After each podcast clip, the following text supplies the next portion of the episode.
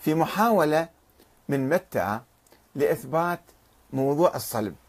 ثم هذه النظرية المسيحية هكذا تقول. يعني هم اعتمدوا طبعا على روايات قديمة طبقوها فقالوا لازم يصلب.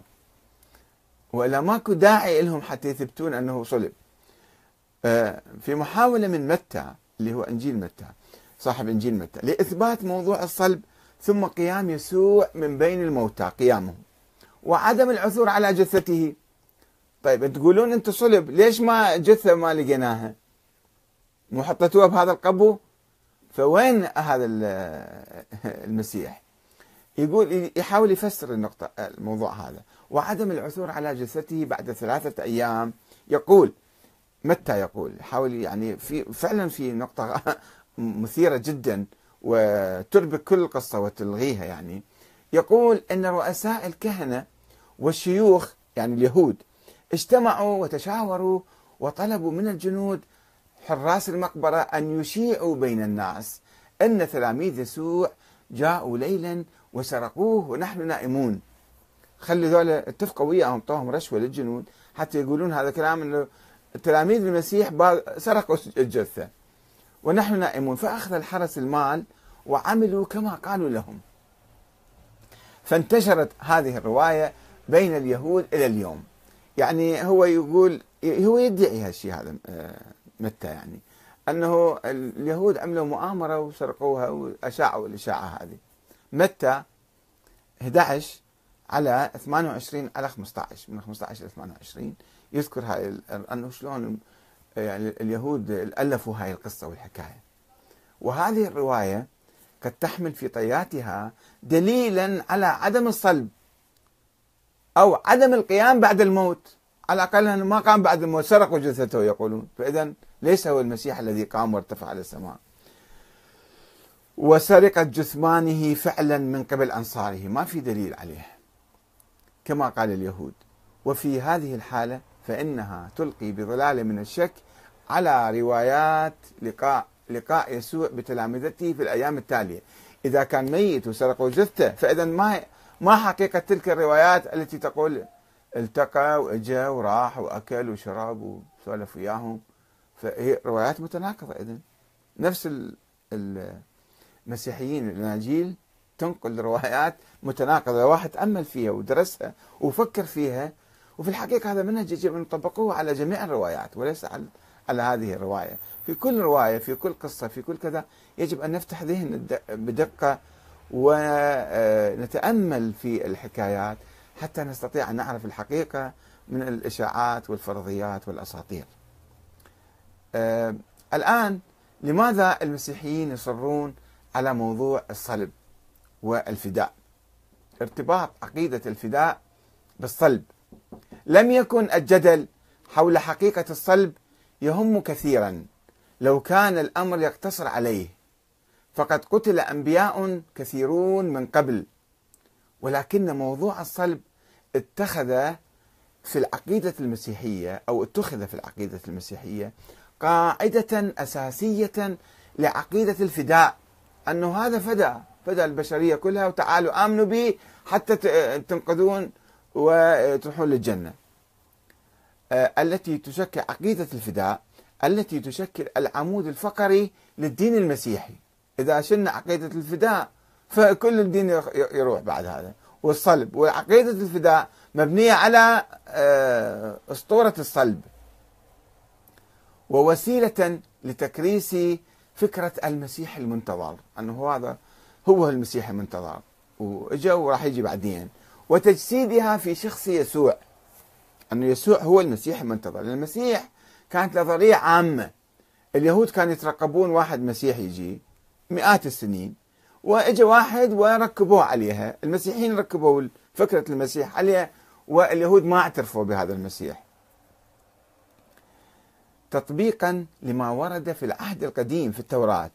وإذا لم يثبت موضوع صلب يسوع فإن عقيدة الفداء تتلاشى كما تنقشع عنه صفة المسيح. بعد هذا مو المسيح. واحد مسكوه ادعى ادعاءات ومسكوه وقتلوه وراح.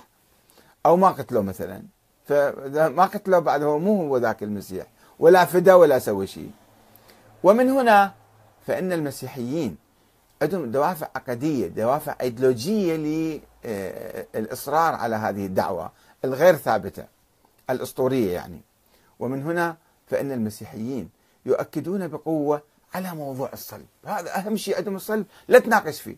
فوق النقاش هذه دائما هناك بعض الأساطير يعني آه، أصحابها يمنعون الناس من نقاشها. هذه قضية لا لا تفكر فيها ولا تبحث فيها ولا تناقش فيها. هذه مسلمة 100% يصادروك مسبقا حتى أنت تستسلم لهم. يؤكدون المسيحيون المسيحيين يؤكدون بقوة على موضوع الصلب استنادا إلى أيديولوجية توراتية قديمة بغض النظر عن الشكوك التي تحيط بالموضوع اللي هم يذكروها. وتفسير الثغرات التي أحاطت برواية الصلب يفسروها بشكل معاكس. هي كل الثغرات تثبت أنه لم يقتل ولم يصلب ولم يعدم هم يجون يفسروا لك اياها بشكل آخر يأولوا لك اياها بما يعزز فكرة الفداء والقيام من الموت والارتفاع إلى السماء ثم العودة إلى الأرض في آخر الزمان. وهذا ما يجعل المسيح شخصية إلهية يعني شخصية مرتبطة بالسماء. محورية فوق جميع الأنبياء السابقين واللاحقين. عندما يقولون المسيح هو الذي سيحاكم كما قرأنا بعض النصوص يوم أمس هو يحاكم البشرية كلها يوم الحساب وكذا فهو يجي بعدين ويحاكم الناس. فهو ليس نبيا عاديا وإنما هو الفادي يسموه الفادي. ابن الله كلمته روح منه. هاي الصفات تعطيه أنه هو أعظم من كل الأنبياء. لقد أعطى كتاب الأناجيل الأربعة اهتماما كبيرا لهذه القضية قضية الصلب. وقالوا بأن المسيح قبل صلبه تحدث مع تلاميذه في عدة مناسبات عن موته نيابة عن البشر على الصليب وقيامته من بين الأموات. طيب السؤال هو لماذا إذا يفدي الناس ليش يموت على الصليب؟ ليه يموت على الصليب؟ ولماذا يفدي الناس يعني؟ لماذا واحد يؤمن به راح يكون يروح للجنة بسرعة؟ يوحنا آه، الجزء الثاني من صفحة 18 إلى 22 وقد ربطوا بين صلب المسيح وخطيئة آدم وحواء بمخالفة أوامر الله وأكل الشجرة التي نهاهم عنها. طيب البشرية شو شو ذنبهم إذا آدم أكل خطيئة وأكل الشجرة؟ ولا تزر وازرة وزر أخرى. فالبشرية ليش هي مثقلة بأعباء خطيئة أبوهم آدم مثلا؟ آه التي وتعلق تلك الخطيئة برقبة ذرية آدم إلى يوم القيامة وإرسال الله المسيح لكي يضحي به على الصليب حتى يغفر الله للإنسان. طيب خليه يغفر لهم من دون ما يصلب المسيح المسكين هذا. ليش تصلبوه حتى الله يعني يغفر للناس؟ الله قادر على أن يغفر للناس. يغفر لهم بعملهم. بتوبتهم وليس بصلب المسيح. شنو ربط الصلب بالتوبة والغفران؟ كما ورد في رسالة رومية من رسائل الرسل يعني مال المسيح. الجميع أخطأوا ويعوزهم مجد الله. ليش أخطأنا إحنا؟ أبونا أخطأ. إحنا شو خصنا؟ رومية ثلاثة على 23 ومن أجل ذلك أيضا نص آخر. ومن أجل ذلك كأنما بإنسان واحد دخلت الخطيئة إلى العالم بإنسان واحد دخلت الخطيئة إلى العالم وبالخطية الموت. وهكذا اجتاز الموت إلى جميع الناس إذا أخطأ الجميع. هذا كما تقول رسالة رومية خمسة على 12 وكما يقول يوحنا عن المسيح أحد أصحاب الأناجيل هو ذا حمل حمل الله. حمل يعني خروف صغير. هو ذا حمل الله الذي يرفع خطية العالم. يجي هو ضحى بنفسه حتى الله يغفر العالم كلهم. يوحنا واحد على 29 يصر يوحنا على اعتبار موت المسيح كان بقصد خلاص الجنس البشري من الخطيئة. فيقول أيضا الذي هو حمل هو نفسه آه الذي حمل هو نفسه خطايانا في جسده على الخشبة لكي نموت عن الخطايا. فنحيا للبر الذي بجلدته شفيتم. ويتحدث بالنيابة عن الله هذا حنا آه، يوحنا فيقول لأنه هكذا أحب الله العالم حتى بذل ابنه الوحيد. بعد ما عنده غير ابن هذا. حتى بذل ابنه الوحيد لكي لا يهلك كل من يؤمن به بل تكون له الحياة الأبدية. يوحنا جزء 3 16 آه، وبناء على ذلك يعتقد المسيحيون بأن علينا أن ندرك أنه في عملية صلب المسيح التي كانت بترتيب الله تمت المصالحة بين الله القدوس والإنسان الخاطئ. في جريمة كبرى ارتكبها آدم أكل من الشجرة فصارت ذريته كلهم مخطئين فالله غفر لهم بعيسى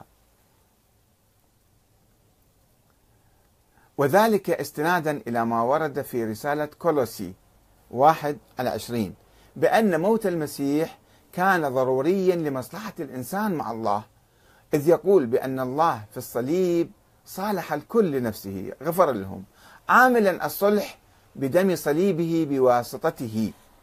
ولهذا السبب كان من الضروري أن يموت المسيح على الصليب من أجل الخطاة الخاطئين يعني. وقد أطاع المسيح ترتيب الله حتى الموت استسلم يعني. لذلك رفعه الله أيضا وأعطاه اسما فوق كل اسم لكي تجثو باسم يسوع كل ركبة ممن في السماء ومن ومن في من الأرض ومن تحت الأرض. ويعترف كل إنسان أن يسوع هو رب لمجد الله الأب. هذا فيليبي أيضا رسالة فيليبي 2 من 5 إلى 11 ويتحدث لوقا عن ظهور المسيح لتلاميذه بعد موته المفترض ثم قال لهم بعد موته اجى التقى بهم ثم قال لهم عندما كنت بعد معكم قلت لكم لابد أن يتم لي كل ما جاء عني في شريعة موسى. كل شيء الروايات الموجودة بكتب آه، اليهود راح تتحقق بي تطبق علي. وكتب الأنبياء آه، والمزامير. ثم فتح أذهانهم. عيسى فتح أذهان تلاميذه ليفهموا الكتب المقدسة. وقال لهم هذا ما جاء فيها وهو أن المسيح يتألم ويقوم من بين الأموات في اليوم الثالث وتعلن باسمه بشارة التوبة لغفران الخطايا إلى جميع الشعوب. ابتداء من أورشليم يعني اليهود اللي هناك كانوا في القدس وأنتم شهود على ذلك. وسأرسل إليكم ما وعد به أبي فأقيموا في مدينة أورشليم إلى أن تحل عليكم القوة من العلي. لوقا 24 من 36 إلى 49 فشوفوا هذه أيضا تأويلات وتفسيرات لعملية الصلب وتكوين عقيدة الفداء بناء على قضايا توراتية هي أساسا مشكوك فيها. من قال أن هذه صحيحة؟ ولكنهم صدقوها وبنوا عليها وركبوا عليها وجابوا قصص أنه المسيح يولد من عذراء.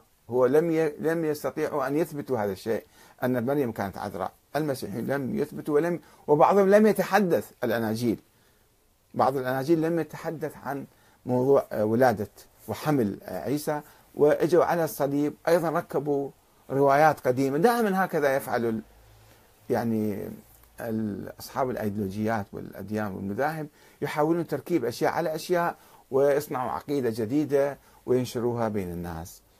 آه، آه، سوف نتحدث في الحلقة القادمة عن المعاجز التي تنسب إلى المسيح حسب الرواية المسيحية حسب رواية الأناجيل. آه، والسلام عليكم ورحمة الله وبركاته